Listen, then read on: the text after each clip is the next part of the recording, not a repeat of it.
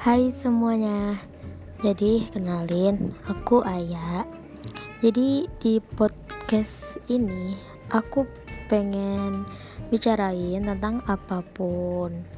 Karena aku anaknya emang suka ngebacot Dan aku rasa di podcast ini Bacotanku lebih terarah. Jangan lupa bahagia hari ini.